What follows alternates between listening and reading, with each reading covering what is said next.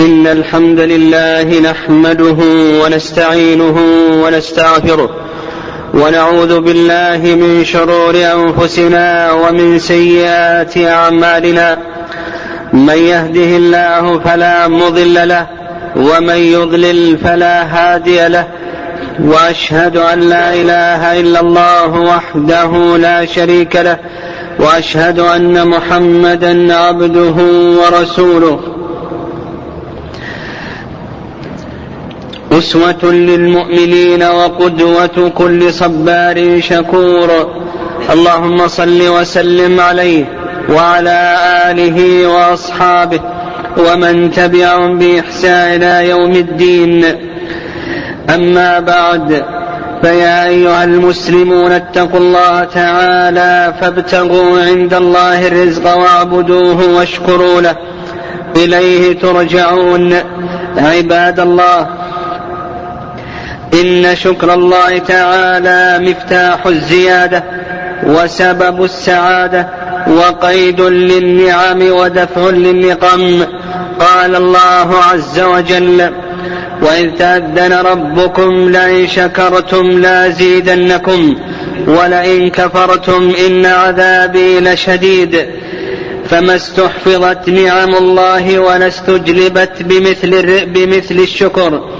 قال الفضيل بن عياض رحمه الله تعالى من عرف نعمة الله بقلبه وحمده بلسانه لم يستتم ذلك حتى يرى الزيادة. إن فضل الله ونعمه وإن فضل الله ونعمته ابتلاء من الله لعباده لينظر كيف يعملون أيشكرون أم يكفرون. قال الله عز وجل عن نبيه سليمان عليه السلام هذا من فضل ربي ليبلوني أأشكر أم أكفر؟ ومن شكر فإنما يشكر لنفسه ومن كفر فإن ربي غني كريم. إن, إن الشكر مظهر من مظاهر عبادة الله تعالى. التي دعا إليها بقوله يا أيها الذين آمنوا كلوا من طيبات ما رزقناكم واشكروا له إن كنتم إياه تعبدون. ألا وإن من نعم الله التي يجب شكرها نعمة إنزال المطر. فلقد أنشأ الله لنا في هذه الأيام سحابا.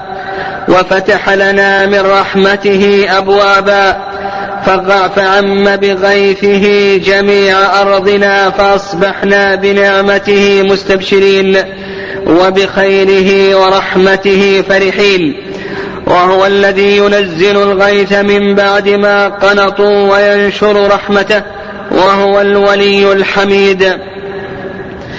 ألم تر أن الله أنزل من السماء ماء فسلكه ينابيع في الأرض ثم يخرج به زرعا مختلفا ألوانه ثم يهيج فتراه مصفرا ثم يجعله حطاما. إن في ذلك لذكرى لأولي الألباب. ومن آياته ومن آياته يريكم البرق خوفا وطمعا. وينزل من السماء ماء فيحيي به الأرض بعد موتها. إن في ذلك لآيات لقوم يعقلون. فاشكروا الله أيها المسلمون واذكروه كثيرا وسبحوه بكرة واصيلا.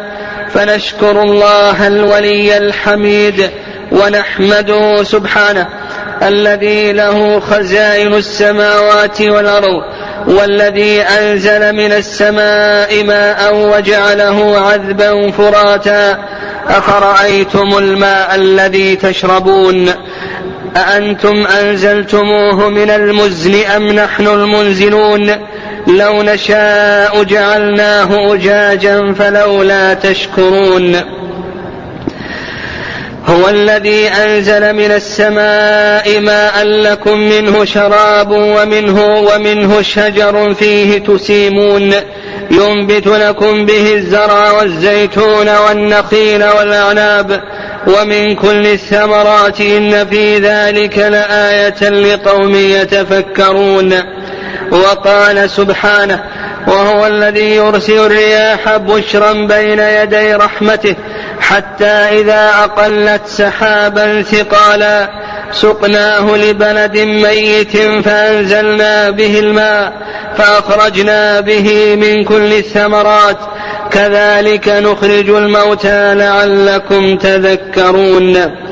إن الله سبحانه وتعالى هو الذي يريكم آياته وينزل لكم من السماء رزقا وما يتذكر إلا من ينيب.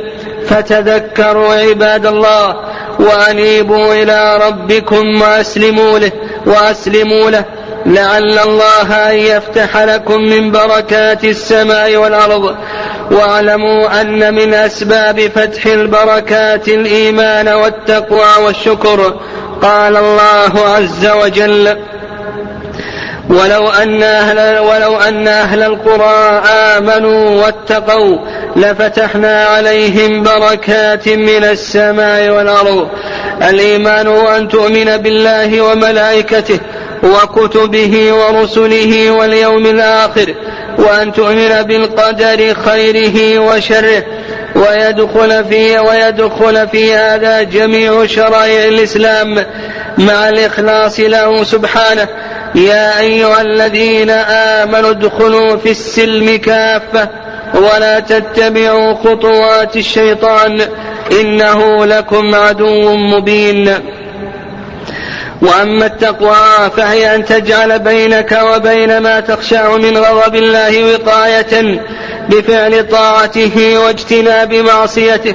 كتب عمر بن عبد العزيز رحمه الله تعالى إلى رجل فقال أوصيك بتقوى الله عز وجل الذي لا يقبل غيرها ولا يرحم إلا أهلها ولا يثيب إلا عليها فإن الواعظين بها كثير والعاملين بها قليل. وقال ميمون بن مهران رحمه الله المتقي شد محاسبة لنفسه من الشريك الشحيح لشريكه فأوصيكم عباد الله عز وجل بتقوى الله وشكره على هذه النعم. اتقوا الله في كل زمان ومكان وتذكروا قوله تعالى إن الله كان عليكم رقيبا. تذكروا الموت وما بعده وأنه ينزل بالأطباء والمرضى والأصحاء أين الملوك والرؤساء المحروسون؟ وأين المماليك والمرؤوسون الحارسون؟ وأين الأغنياء المترفون؟ وأين الصعاليك المدقعون أين أصحابك وأين جيرانك؟ وأين آباؤك وأين أمهاتك؟ لقد جاءهم ما كانوا يوعدون. وأنت على أثرهم غدا أو بعده. فكن مستعدا ولا تكن غافلا. ورحل قلبك إلى الدار الآخرة. قبل أن ترتحل ببدنك. يا أيها الناس اذكروا نعمة الله عليكم. هل من خالق غير الله يرزقكم من السماء والأرض؟ لا إله إلا هو فأنا تؤفكون. إن الله سبحانه وتعالى قد أسبغ عليكم نعمه ظاهرة وباطنة وأمركم بالشكر له. فاشكروه ولا تكفروه وكونوا كال ولا تكونوا كالذين بدلوا نعمة الله كفرا وأحلوا قومهم دار البوار. ذلك بأن الله لم يكن مغيرا نعمة أنعمها على قوم حتى يغيروا ما بأنفسهم وأن الله سميع عليم. فنشكره سبحانه وتعالى على نعمه الظاهرة والباطنة ونستغفره سبحانه ونعوذ بالله من شرور أنفسنا ومن سيئات أعمالنا. قال أبو العالية رحمه الله إني لأرجو أن لا يهلك عبد بين اثنتين نعمة يحمد الله عليها وذنب يستغفر منه. اللهم أوزعنا أن نشكر نعمتك التي أنعمت علينا وعلى والدينا وأن نعمل صالحا ترضاه. اللهم بارك لنا فيما أنزلت لنا واجعله صيبا نافعا واخلفه بغيره ليكون تابعا وشافعا. واجعل ما أنزلت وما تنزل عونا لنا على طاعتك ومتاعا إلى حين. برحمتك يا أرحم الراحمين. اللهم صل وسلم وبارك على نبينا محمد. الحمد لله رب العالمين. والعاقبة للمتقين ولا عدوان إلا على الظالمين. وأشهد أن لا إله إلا الله وحده لا شريك له يغفر للمستغفرين ويتوب على التائبين وأشهد أن محمدا عبده ورسوله إمام الشاكرين وسيد المرسلين. صلى الله عليه وعلى آله وأصحابه المؤمنين المتقين. ومن تبعهم بإحسان إلى يوم الدين وسلم تسليما كثيرا. أيها المسلمون اتقوا الله تعالى واشكروه على إنزال الغيث بالفرح برحمته وصرف النعم فيما يحبه ويرضاه سبحانه. واحذروا كل الحذر من نسبة المطر إلى غير الله عز وجل من نسبته إلى الأسباب الموهومة. فإن ذلك من الكفر بالله عز وجل كمن ينسب ذلك إلى النجوم والطوالع وهذا من الكذب والتخرص. قال الله عز وجل وتجعلون رزقكم أنكم تكذبون. وعن زيد بن خالد الجهني رضي الله عنه قال صلى بنا رسول الله صلى الله عليه وسلم صلاة صلاة الصبح بالحديبية. على إثر سماء كانت من الليل. فلما انصرف أقبل على الناس قال أتدرون ماذا قال ربكم؟ قالوا الله ورسوله أعلم. قال أصبح من عبادي مؤمن بي وكافر. فأما من قال مطرنا بفضل الله ورحمته فذلك مؤمن بي كافر بالكوكب. وأما من قال مطرنا بنوء كذا وكذا فذلك كافر بي مؤمن بالكوكب. رواه البخاري ومسلم. فالله سبحانه فالله سبحانه وتعالى هو الذي ينزل الماء من السماء على من يشاء ويحبسه عن من يشاء لحكمة يريدها سبحانه. ولقد صرفناه بينهم ليذكروا فأبى أكثر الناس إلا كفورا. فمن اعتقد أن لسبب من الأسباب الموهومة تأثيرا مستقلا في في إيجاد المطر أو أنه شريك لله عز وجل في خلقه وتكوينه فذلك كفر أكبر مخرج مله كفر بالربوبية. وإن لم يعتقد ذلك وأضاف المطر إلى السبب وأن الله سبحانه وتعالى هو المؤثر الخالق فهذا من الشرك الأصغر لأن نسبة النعم إلى الأسباب الموهومة إذا اعتقد أنه مجرد سبب شرك في توحيد الربوبية. إنزال الغيث من أعظم نعم الله إلى عباده. لما اشتمل عليه من منافع من منافعهم. فلا يستغنون عليه أفلا يستغنون عنه أبدا.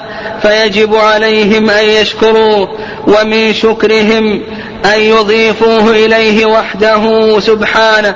قال الله عز وجل هو الذي يريكم البرق خوفا وطمعا وينشئ السحاب الثقال ويسبح الرعد بحمده والملائكة من خيفته ويرسل الصواعق فيصيب بها من يشاء وهم يجادلون في الله وهو شديد المحال. عباد الله مما مما يحذر عند نزول المطر ما يفعله بعض الشباب من من التلاعب بالمراكب والسيارات وصعود كثبان الرمال والتعرض للأخطار سواء كان له أو لغيره أو لمركبته وهذا كله محرم ولا يجوز ويجب على من شاهد ذلك أن ينكره. قال الله عز وجل ولا تلقوا بأيديكم إلى التهلكة. وقال سبحانه ولا تقتلوا أنفسكم إن الله كان بكم رحيما. وكم حصل بسبب ذلك من إتلاف الأنفس والأموال وهل هذا من شكر نعمة الله عز وجل؟ كذلك أيضا ما يوجد أثناء الخروج إلى التنزه من تبرج النساء واستعمال الغناء وتأخير الصلوات عن أوقاتها. كل هذا من المنكرات التي يجب إنكارها. وهل هذا من من شكر نعم الله عز وجل؟